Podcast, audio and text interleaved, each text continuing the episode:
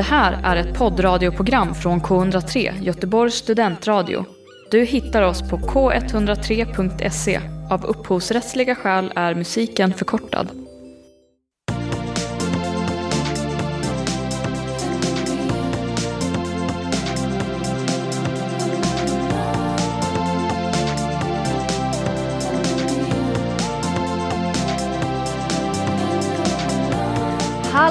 Hallå, och varmt välkomna till eh, dagens avsnitt av Fenomenal. Vi är ju ett radioprogram här på K103 Göteborgs studentradio. Och eh, ja, vi är tillbaka efter lite uppehåll kan man säga. Och eh, vi som är i Fenomenal det är eh, jag, Hanna. Sen har vi... Kaj Kajsa. ja, så glad. Och Josefin. Josefin också glad. Förlåt. Kajsa här på Zoom. På Zoom, ja men det är faktiskt... Josefin också på Zoom. Ja, Ja. Hanna är inte på Zoom. Hanna är i studion. Alla i studion. Hon Ja, håller i rattarna och hon håller ställningarna för oss alla. exakt. Men eh, hur är läget då hörni? Det är bra tycker jag. Eller jag har det bra. Jag har ledigt några dagar nu innan nästa termin börjar i, på universitetet. Så jag har haft det väldigt skönt och bara så här, för att inte ha några tider att passa. För jag jobbade ett, alltså, med skolarbete typ hela julen. Så det är väldigt skönt att få lite ledigt nu. Det kan man ju förstå.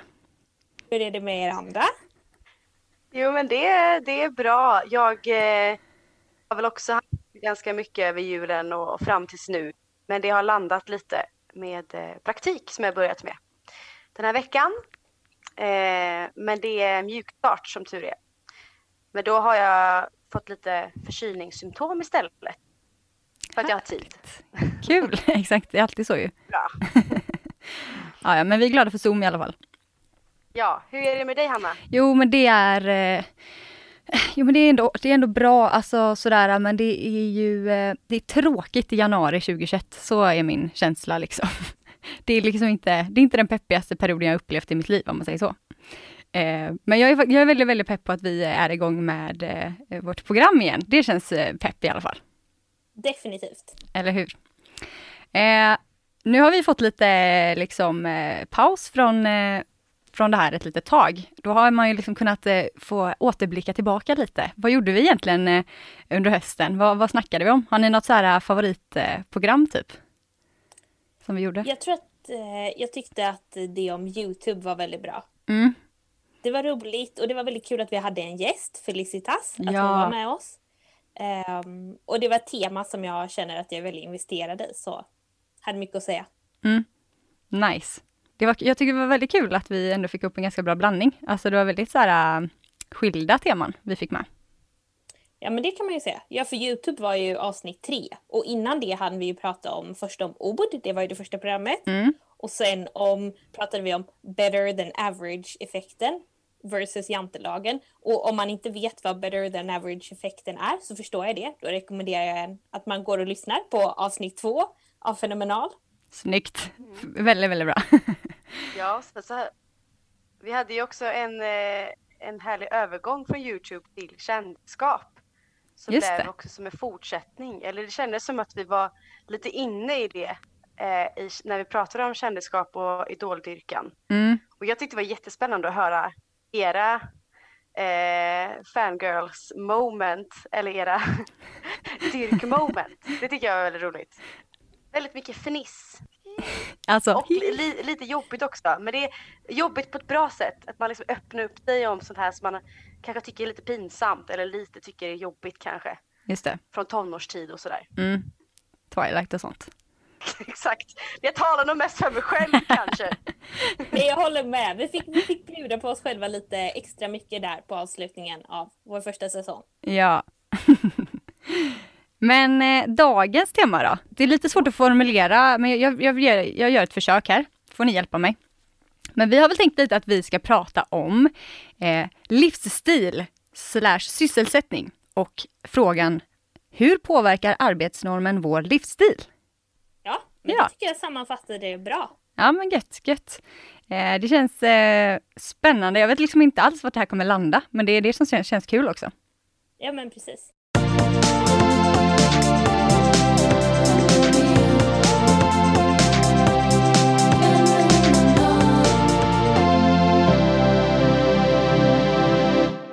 Vi är radioprogrammet Fenomenal och ni som inte har lyssnat på oss innan så eh, kan vi berätta att eh, vi eh, ju pratar om olika sorters eh, fenomen och trender och sånt kul. Och idag så är vårt tema följande frågeställning. Hur påverkar arbetsnormen vår livsstil? Ja, alltså nej, jag bara kände nu när du säger det igen att så här, okej okay, det kanske inte låter superspännande men jag tror att det här kommer bli kul att prata om. Det kändes som att så här, när, vi, när vi lyfte det här temat då blev vi alla ganska så här, vi hade mycket att säga liksom. Det finns tankar. Ja men jag håller med, det, det låter lite som en föreläsning. Men det är ju intressant föreläsning.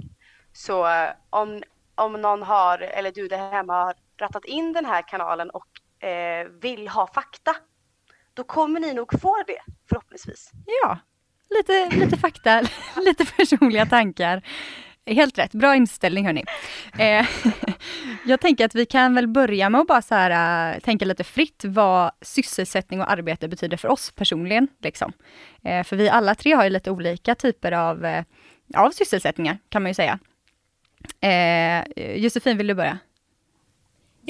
Ja, alltså just nu är det ju, för mig är det ju väldigt så, jag går i skolan så jag har så här studiebidrag och sånt så det är liksom det som är, I guess, min sysselsättning. Eh, men om man pratar mer om arbetsliv och sådär och hur man tror att det kommer påverka ens liv så är jag väl kanske ändå en person som har en ganska positiv inställning till arbete vilket kanske också kommer från, jag måste ändå så här inse här mitt eget privilegium att jag har aldrig riktigt behövt ta ett jobb desperat för att få pengar liksom, utan att jag har kunnat välja för att jag tycker det är kul.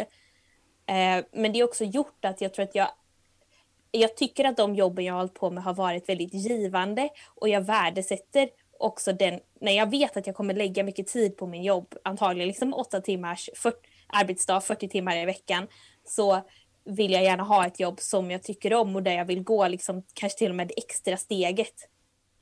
Kajsa då? Ja, alltså jag har väl haft lite blandat. Eh, jag har både haft tryggheten i att plugga. Eh, då är det ju liksom en, eh, en inkomst som kommer av sig själv varje månad och det, ja, jag tänker inte så mycket på det.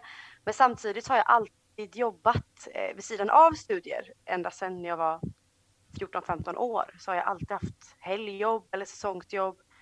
Och det är väl också för att jag har valt en, en utbildning som har krävt cash på ett sätt som inte kanske eh, högskoleberättigade liksom, eller högskolsutbildningar har.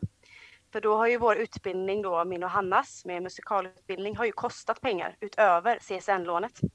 Så då eh, har jag alltid jobbat för att det behövs. Och det är ju ett val jag gjort själv. Jag har ju, det är ju som du säger Josefin, det är ett privilegium att kunna välja. För jag har också eh, känt att det har varit kul, de jobb jag haft. Så det har inte varit något konstigt med det. Men sen har jag också haft jobb som bara är för få pengar. Och det är okej i korta perioder. Men jag, jag eh, får krupp på att plocka varor till exempel i tre veckor liksom, mm. i sträck och gör exakt samma sak. Så att jag, jag känner väl att min, min arbetsinställning är ju verkligen eh, mycket inriktad på lust. Det mm. måste jag ändå säga. Mm. Det är viktigt för mig att ha ett lustfyllt jobb där det ger någonting för mig själv och för andra. Liksom.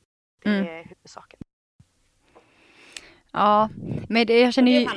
Ja, men jag känner igen mig mycket i det ni säger. Eh, också det som du nämnde där Josefin, att eh, det känns som att det spelar väldigt stor roll och vad man kommer ifrån för håll liksom. Eh, för precis som du så känner jag mig också superprivilegierad och har också främst från början behövt jobba, eller jobbat för att jag har velat liksom och inte för att jag har behövt eh, när jag var yngre och sådär. Eh, och det, jag antar att det avgör superduper mycket på hur man ser på hela liksom, sysselsättning och jobbgrejen, för att jag är liksom så himla van eh, att alltid bara få syssla med det som är kul, typ. Alltså, sen är det inte allt som är alltid kul liksom hela tiden såklart, men eh, att grundkänslan är att man gör det för, ja, med lust och sådär, som du också pratar om Kajsa. Eh, och eh, det tror jag att jag kanske har fått eh, liksom smaka lite på, på den andra sidan av det nu, utan att liksom, jag verkligen fortfarande inte någonsin varit i en så superkris eh, med jobb och sysselsättning så. Men eh, nu under corona, att det har varit mer så här, Eh, att man måste jobba bara för att liksom eh, för att jobba och för att det ska gå runt typ. För att man har inte kunnat eh, göra det som, som vi har pluggat till. Eh, och sen även mina extrajobb har också varit väldigt osäkra och att jag liksom ibland haft veckor där jag så här, inte haft någon sysselsättning överhuvudtaget. Och det är superovanligt för mig att jag liksom inte har någonting att göra. Eh, och då har jag verkligen känt så här, eh, jag har nog tänkt innan jag har varit i den situationen, så jag tänkt att jag skulle vara så här, bara, om, om man ändå bara fick lite tid, då skulle jag göra allt kul, typ. Då skulle jag så här, eh, göra med musik, jag skulle ja, engagera mig i grejer och sånt där. Och eh, nu när jag är här så eh, blir det tvärtom, för att jag får ingen liksom, man får inget go, typ.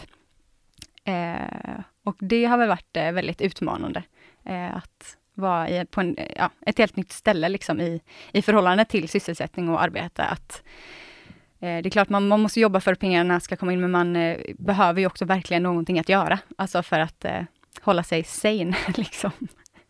Ja men det tänker jag verkligen att, att det känns som att en del pratar om och det här kommer vi säkert gå in på mer senare men sådär om att, att, liksom att jobbet ska vara någonting man gör för att sen ha tid och vara mycket ledig liksom och sådär och, och för att kunna göra olika saker. Men jag vill att jag vill nog mycket att jobbet i sig ska vara så kul att det får lov att ta tid liksom. Mm. Det säger mycket om vårt arbetssamhälle, eller så.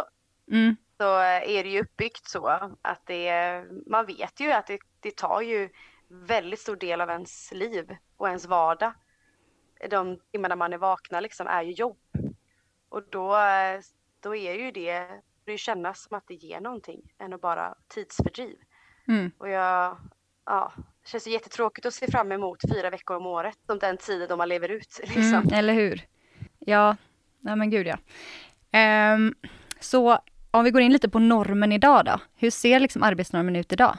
Det är ju mycket det här, man snackar om svenssomlivet typ. Eh, 95-grejen. Vad, vad tänker ni ingår i, i arbetsnormen idag?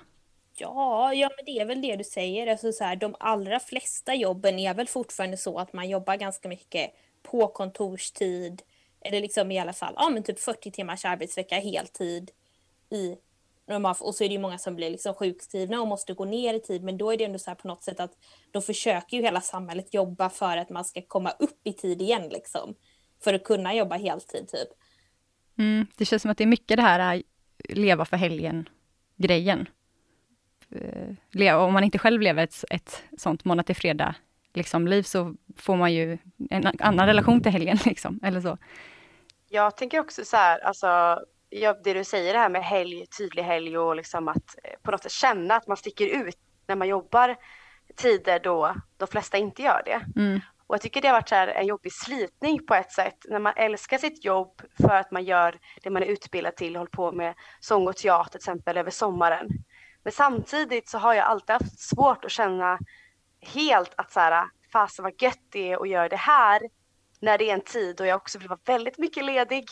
För det ligger så himla inprintat att vara ledig på sommaren eller att bara ha den här friheten på något sätt i en årstid som är så mycket mer härlig och lätt på något sätt, lättsam än att vara ledig i januari, februari så kanske inte är lika lätt att liksom hitta på saker. Eh, och det tycker jag har varit liksom så här, jag vet inte, det är verkligen för och nackdelar med att jobba när det är verkligen eh, uppenbart att andra har semester. Mm.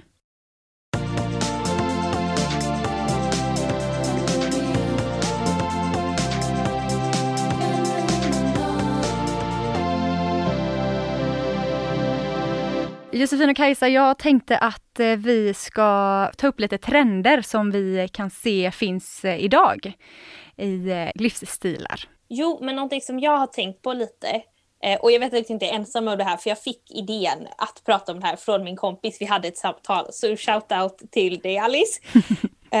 men det är ju att det känns som att det är en väldigt stark trend idag att flytta ut på landet. Och det som är intressant med det är att vi vet ju liksom statistiskt sett att det är storstäderna som är så här kommuner och så här småorterna som är så här utflyttarkommuner. Så statistiskt sett så är det ju inte så att det är vanligare att flytta ut på landet. Men, eh, men jag tycker ändå att man ser mycket, det är liksom ändå det som är så här, ja, men som folk tycker är coolt och som det pratas mycket om. Utan, alltså, folk som aktivt väljer bort livet i stan för ett liv på landet. Just det. Är det lite det här med att man ska stressa av och det ska vara chill och ekologiskt? Ja men det tror jag. Jag tror att det kan finnas flera olika anledningar till det. Jag, jag tänkte lite på det där vad det kan bero på. Och jag tror mycket är det att man tycker att stan är hetsig liksom. Mm. Eh, så då flyttar man ut på landet och så är det kanske en del tänker jag bara drömmer om gård och djur och sådär. Eh, och då med så här nu när det är mer accepterat att jobba på distans så kanske man ser mer möjlighet till det då. Jag tror att en del vill komma bort från så här avgaser och sånt. Tänker att det är tryggare med mindre folk och så, om man har barn till exempel. Um, och så tror jag, vad är det mer folk säger? Jo, men jag tänkte på det att en del, det finns väl någon sån här stor Facebookgrupp som heter typ Hjälp, jag har köpt ett ödehus eller någonting sånt där. Gör det det? Jättekul! Så folk som aktivt köper extremt, alltså typ så här nästan eh, hus som håller på att rasera och bygger upp dem och har det som passion liksom. Just det. Det är absolut en livsstil tänker jag. Det här eh, hant, hantverkarlivsstilen, att man ska göra mm. allt själv eller? Ja, men ja. precis. Och, eh, för att eh, komma in på det så finns det en person på Youtube, Joatob, Joatob. som vi brukar kalla det här i eh, programmet, Exakt. Eh, som, som har verkligen gått all in på det här att göra själv eh, och flytta ut i skogen. Och det är ju en kille som heter Erik Granqvist som eh, har gått in för att under ett år bygga ett hus i trä som är liksom en gammal så här hur de gjorde förr, ett så här, ett, eh, vad heter tekniker och så vidare. Mm. Som, så man byggde för hus. Gud vilken konstig mening. Men du fattar vad jag menar, Absolut. hur man byggde hus förr. Ja men och sånt tycker jag är superintressant. Detta. Ja, och man blir så fascinerad för det är så långt ifrån vår värld idag. Mm. Eh, och det är så häftigt liksom att, att de gjorde det förr och det tog tid. Det är det som jag tror också är en så himla skillnad att saker förr tog tid för att det fanns inget effektivare sätt. Men idag så finns det otroligt många hjälpmedel vilket gör det så fascinerande när folk väljer att så här, lämna stan ett år själv ut i skogen och bygga ett hus för hand. Alltså det är ju helt sjukt. Och det där är så intressant då, för då blir det ju liksom också just, alltså som du säger idag finns det sätt att få det att gå fortare, men att man på något sätt då vill ta ett steg tillbaka och verkligen att man kan, det som för folk förr var en absolut nödvändighet för att överleva nu blir någon form av så här meditativt livsval som man bara kan göra om man också har väldigt gott om pengar så man inte behöver jobba eller träffa människor på ett år. Liksom. Det är faktiskt väldigt kul. Ja, och verkligen Precis, och samma också med att, att de här personerna kanske då också lägger ut det på Youtube. Alltså det blir ju uppföljning som blir eh, väldigt mycket promoting och entreprenör i det. Mm. Eh, så det är ju liksom kanske inte som gör det eh, anonymt, utan det finns ju ganska många ändå som gör, skriver en bok om det och berättar om, om sina erfarenheter och ja, hela sin upplevelse kring det och det blir ju också lite så här ja, hade det varit samma grej om det inte gick att eh, eh, visa upp men, det man gör? Ja, visa upp det, publicera det liksom. Mm. Vad tror ni? Hade det blivit lika hypat då? Nej, alltså kanske inte då. Jag vet inte, för jag tänker typ på det här med eh, ehm, Alltså till exempel de som köper en van eller någon så husbil eller, eller typ flyttar in i någon jätteliten, någon så attefallshus typ. Att det är också en grej att folk eh, att det är lite, det är liksom, det är lite trendigt, det är lite coolt. Och sen många kanske gör det för att de verkligen vill liksom leva ett mer eh, flexibelt liv eller minimalistiskt liv eller vad som helst. Men att det är ju ganska, det ses ju som väldigt coolt på något sätt. Ja, ja det är intressant att det är på något sätt att folk försöker göra det för att komma bort från vissa grejer men ändå att det ligger någon sorts prestige i det då som ni säger med att publicera det och sådär och visa upp det. Um, och ja, men det där som du pratade om med husbilarna och så, de är ju väldigt spännande tycker jag, för då är det ju verkligen också, om man tänker att flytta ut på landet handlar om att så här, kunna odla och ja, men som vi säger, komma back to basics liksom. Mm. Så handlar ju det om att göra sån här husbil verkligen istället om att vara helt totalt fri från alla alltså så här, rutiner och sådär samma sak varje dag och så. Det är ju nästan motsats på något sätt.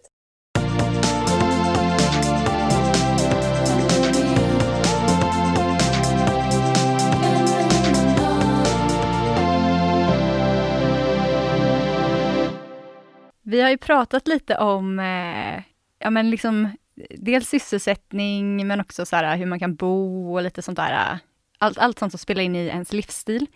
Men eh, det finns ju ganska så avgörande grejer som, eh, som eh, ser till att livsstilen blir som den blir på något sätt. Och eh, däribland ekonomiska system. Och då så tänker jag att vi ska försöka lära oss lite mer om eh, det här med medborgarlön eller basinkomst. Det är ju ett system som är en typ av idé som eh, eh, bygger på en garanterad inkomst. Och det är ja, men lite som CSN kan man se det som. Fast det inte finns någon, eh, något krav på att betala tillbaka eller eh, att prestera. Utan det är liksom en, en, eh, en inkomst som alla får i ett samhälle.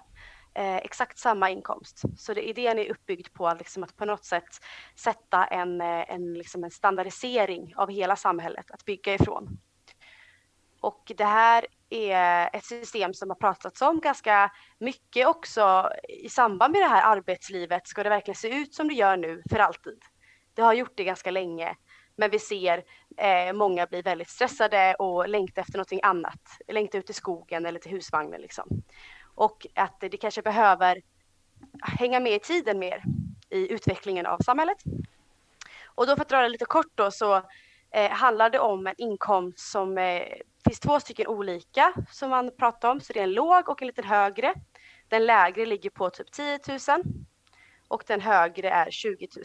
Och det här påverkar ju staten olika såklart och ganska mycket olika om det är de här skillnaderna. Och en person då som har pratat mycket om det här, det är en, eh, han heter Roland Paulsen som är sociolog vid Lunds, Lunds universitet. Och eh, han eh, föreläser och har skrivit även böcker om det här och det finns jätteintressanta klipp där han pratar om det för, för den som vill veta mer om det. Har eh, ni hört talas om basinkomst, Josefin och eh, Hanna? Ja, det har jag. jag tyckte att det var väldigt eh, intressant att läsa om. För det här, det här är ett system som ju finns i vissa inte så mycket i hela länder än så länge, va? men typ i mm, områden och så, att de har testat det i olika städer eller regioner eh, de senaste åren typ. Eh, så det är väl lite under utveckling liksom. Men jag har läst mycket om, så här, om, om för, för och nackdelar och det är väldigt eh, intressant. Jag tycker bara det, det är kul att liksom eh, dyka ner lite i ett annat eh, just system för att man, eller jag har liksom inte tänkt på att det ens finns något annat sätt att leva egentligen. För man växer ju upp eh, i en värld som ser ut på ett mm. visst sätt och så tänker man att det är så det är men så inser man att just det, det hade kunnat vara på helt annat sätt. Vad hade hänt då liksom? Precis, och att det är ju som en, en typ av grund som inte behöver påverka, alltså det påverkar ju mycket såklart i arbetslivet och hur folk lever och kanske väljer att leva. Men samtidigt så är det ju också en frihet kanske att välja att jobba. Det här vi pratar om, vad är det man drivs av med jobb? Och känner man att ja, men 10 000 räcker gott och väl i min livsstil eller så vidare. Men att det finns ju fortfarande möjlighet att jobba mer det är inte så att det sätter stopp för eh, ambitioner att eh, tycka att jag vill jättegärna jobba jättemycket eller ha mycket mer pengar i min livsstil och så vidare. Att det är också ett intressant sätt att se på det som en typ av ja, men, ja, en, en bas helt enkelt att gå från. Att, ja, och det, har vi ju, det ser vi ju på CSN till exempel. Vilken frihet det ger att kunna eh, känna att man har den inkomsten och kan tänka på annat istället för pengar varje månad. Liksom. Ehm, men då tänker jag, jag är ju inte så jag, jag menar, jag, alltså det är klart jag har hört talas om konceptet basinkomst innan men jag är inte sådär påläst på det. Och då kan jag ändå undra vad som är lite, vad är då fördelar och nackdelar? Eller så här, om det nu är så bra, varför har vi det inte redan? Och om vi skulle ha det, är det då, alltså det är liksom staten som skulle bekosta det? Och det skulle väl vara ganska mycket. Då skulle, alltså mm. behöv, betyder det också hur många av de här 10 000 skulle gå till skatt i så fall. Det bara, jag bara ställer lite frågor. Men det är super, ja, du tar upp jätterelevanta och intressanta saker. Hela konceptet bygger väl ganska mycket på att eh, allt, alla pengar som är i dagens samhälle går till olika typer av bidrag, barnbidrag, studiebidrag, eh, eh sjukförsäkring, alltså alla, precis alla de här grejerna. Mm. Eh, att de istället skulle gå till, till det här då, som är ett grund ett grundbidrag som alla skulle få. Liksom. Eh, och Mm. Det är väl lite så här, äh, folk som talar emot, det har vi nämnt någon gång innan, vet jag, ett annat avsnitt, men att folk som talar emot det kan vara så här bara, men äh, att man tänker att folk faktiskt inte skulle välja att jobba om de ändå fick en grundinkomst, att de skulle skita i att jobba typ. Um, för det bygger ju lite på att alla liksom gör det ändå, alltså även fast man kanske inte måste. Men det tror jag ändå inte riktigt på. Alltså så här, eller jo, jag kan fatta varför folk tror det, för det finns säkert de som hade sett det som en ett sätt att liksom slippa undan. Men mm. lite som vi var inne på, eller som du har upplevt nu då till exempel Hanna, att det här att, alltså så här, när, om man inte har någonting att göra så blir det tråkigt ganska fort. Mm. Fortare mm. än vad man tror. Alltså jag, jag tror ändå att de flesta ja. skulle vilja jobba. Och det ser vi även på under pandemin. Alltså folk som har bytt helt bransch och liksom skiter i vad, vilken skillnad det är på lön och så vidare. Att så här, bara jag får jobba och säga till mina barn att nu ska jag gå till jobbet. Mm. Liksom, att det är en viktig del. Eh, och såklart att det hör ju väldigt mycket ihop i vårt arbetssamhälle också, i hur vi ser på jobb. Men det finns ju ändå något det här att vara sysselsatt.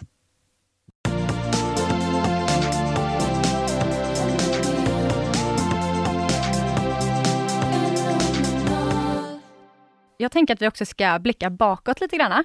För att eh, det finns ju, eh, sättet vi lever på idag har ju inte alltid sett ut så.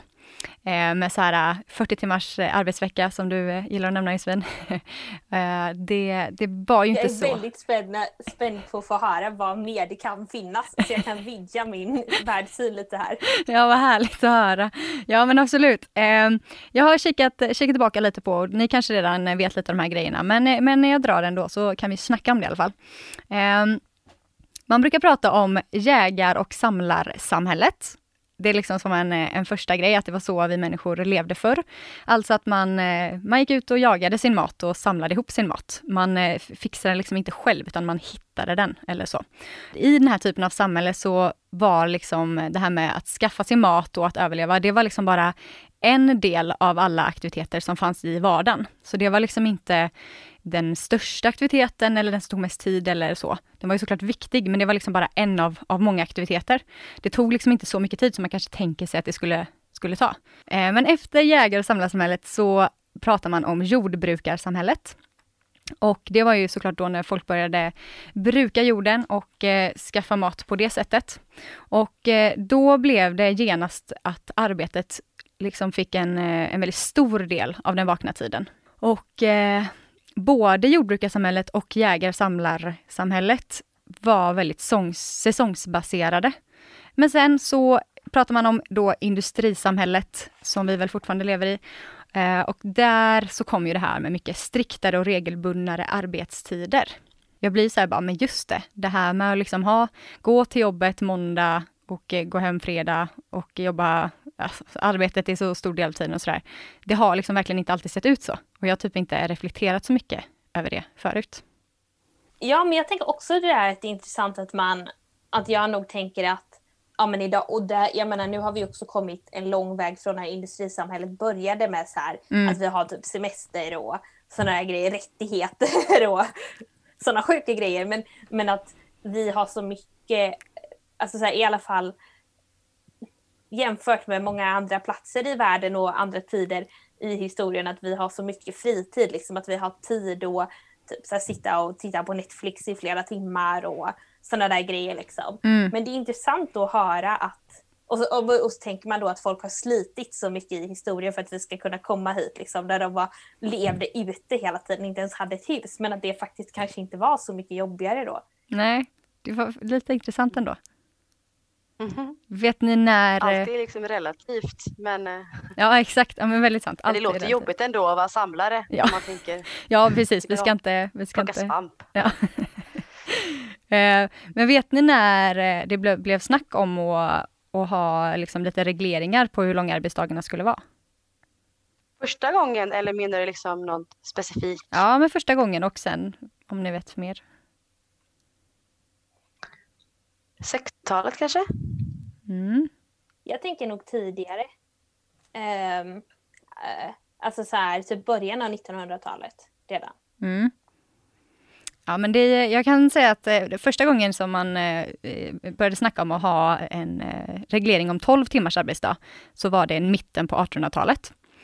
Eh, och det landade sen i, i 10, 10 timmars... 100 år fel bara. bara. eh, och det landade ja. i 10 timmars arbetsdag. Och sen 1919, eh, då kom det en lag om eh, 8 timmars arbetsdag. Eh, men då jobbade man fortfarande på lördagar. Så det var 48 timmars arbetsvecka fortfarande. Eh, ja, för jag tänkte säga annars att vi har haft det här då, mm. som vi har det nu sen, alltså i hundra år då, mm. lite drygt. Men, men det stämde inte riktigt då. Nej, inte riktigt då. Också. Ja, precis. Det är så mycket som, eh, som hör ihop ju med samhällets, hur, liksom länder har valt vilken väg att gå med det här liksom att reglera både semester och även föräldraledighet och så vidare. Att det är ju oftast Gud. ganska och väldigt olika mm. i, bara i Norden liksom. Mm. Hur, eh, hur många veckor. Det är ju, även fast inte det är en ledighet så är det ju ändå en, en typ av frihet som har getts liksom. Eh, så. Verkligen. Ja, det är verkligen en viktig rättighet tänker jag. Mm. Och ja. för jämlikheten, alltså det är ju också väldigt, ja. mm. för det är ju också en aspekt ju, om de pratar om kring det här med att ändra arbetssystemet, till exempel med medborgarlön eller på något sätt rucka på det så är det ju vissa som säger det liksom att det har ju varit otroligt eh, viktigt för kvinnor att, att man kämpat för att få komma fram i arbetslivet.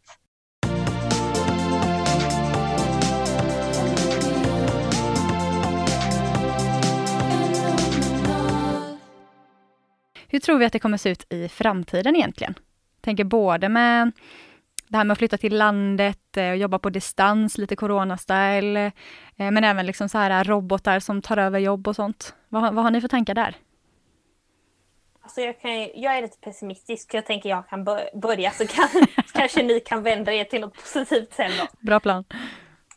Uh, nej men det är inte så att jag egentligen går runt hela tiden och är superpessimistisk. Men när jag tänker på framtiden så tror jag ju alltså det är så här, klimatforskare så pratar ju mycket om det här att havsnivåerna kommer stiga till exempel. Det kommer göra att vi inte kan bo på vissa platser.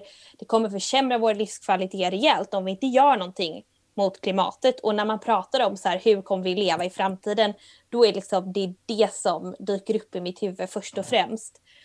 Och det man kan säga där är väl också att lite så här, tyvärr att när jag ser på människor idag, alltså på vårt beteende här i Sverige och runt om i världen så tror inte jag att vi kommer klara att tackla allt det vi måste göra för att vända den här trenden och för att få ner, eller liksom för att hålla temperaturen på en realistisk nivå.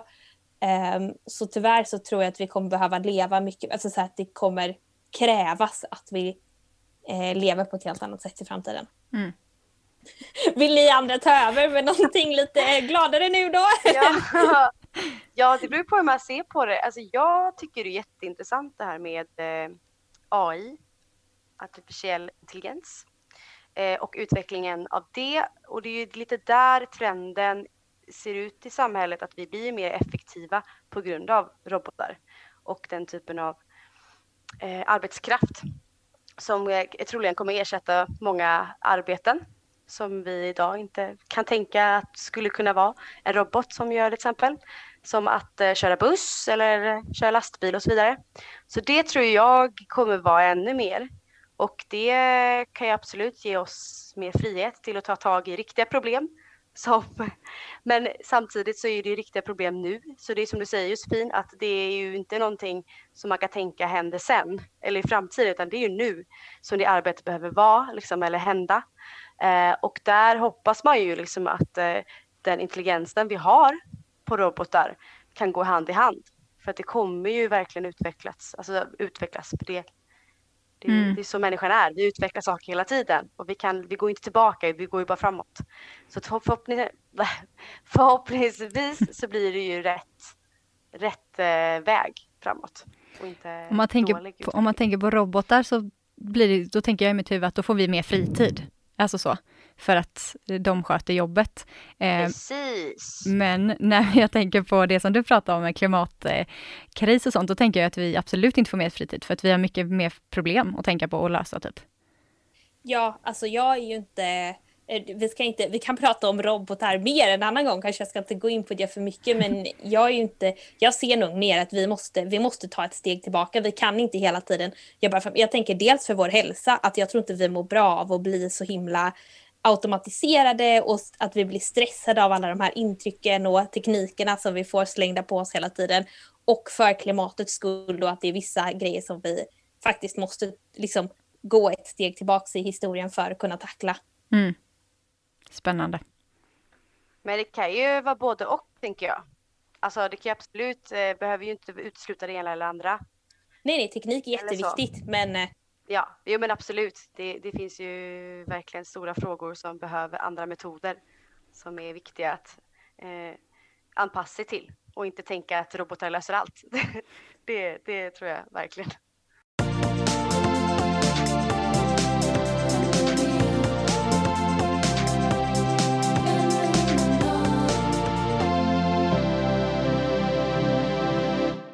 Vi här i Fenomenal, vi ska börja avrunda det här eh, programmet som idag har handlat om livsstil, sysselsättning och hur påverkar arbetsnormen vår livsstil? Lite kort, vad har vi egentligen eh, pratat om idag? Kajsa, vad har, vad har vi pratat om idag? Ja, vi har ju pratat om eh, lite trender eller fenomen kring att eh, flytta från stan till landet och att fly från de här normerna, arbetsnormerna som finns så präglade på oss. Eh, och eh, längtan efter mer fritid och privilegium kring det, att faktiskt ha råd att ha fritid. Just det, mm, absolut. Ja, jag tänker vi började ju med att prata lite om eh, vår egna inställning till liksom vad vi tänker om arbete och hur vi värderar det och sådär. Mm. Det var ju intressant tycker jag att vi fick dela lite tankar om det. Verkligen. Sen har vi också pratat lite om eh, historien, hur, hur det har sett ut förr i tiden, hur våra arbetsnormer var då. Och eh, även om andra typer av system som vi kanske inte har eh, i vårt samhälle idag, men som finns. Det här med basinkomst och medborgarlön. Eh, och eh, också framtiden, hur det, det, kan komma att se ut. Det var väl inte, inte superljust, men vi kan väl hoppas på att det ändå, ändå blir lite ljusare. Men det är klart vi ja. hoppas på det. Ja, det gör vi. Vi är Men... realistiska ändå, tycker jag. Det är ändå bra. Man är inte helt ute och cyklar i hur det ser ut. Helt sant. Realism gillar vi. Om eh, du som lyssnar tyckte att det här var eh, jättekul eller helt okej okay, så får du supergärna gå in på Instagram och eh, följa oss där. Vi heter fenomenal.k103. Där kan du också skicka meddelande till oss om du har någon åsikt eller förslag eller någonting sånt där. Och ja, sen kan man ju lyssna igen och igen och igen på det här. Då är det bara att gå in där poddar finns. Så kan man lyssna på det i poddversion eller på Mixcloud. Ja. Det tycker jag du sammanfattade bra. Tack. Väldigt bra.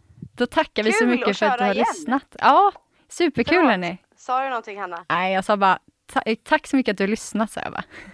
Ja, tack så mycket för att du har lyssnat och för att ni har lyssnat på Zoom. Ja, det känns ju superkul att vara igång igen ju. Ja, jag ser fram emot en, en ny säsong med er och få lära känna er bättre och få grotta ner sig i ännu fler ämnen. Och jag hoppas att ni som lyssnar också ska fortsätta gilla och lyssna på oss. Ja. ja. Tack för nu. Hej då! Tack så mycket!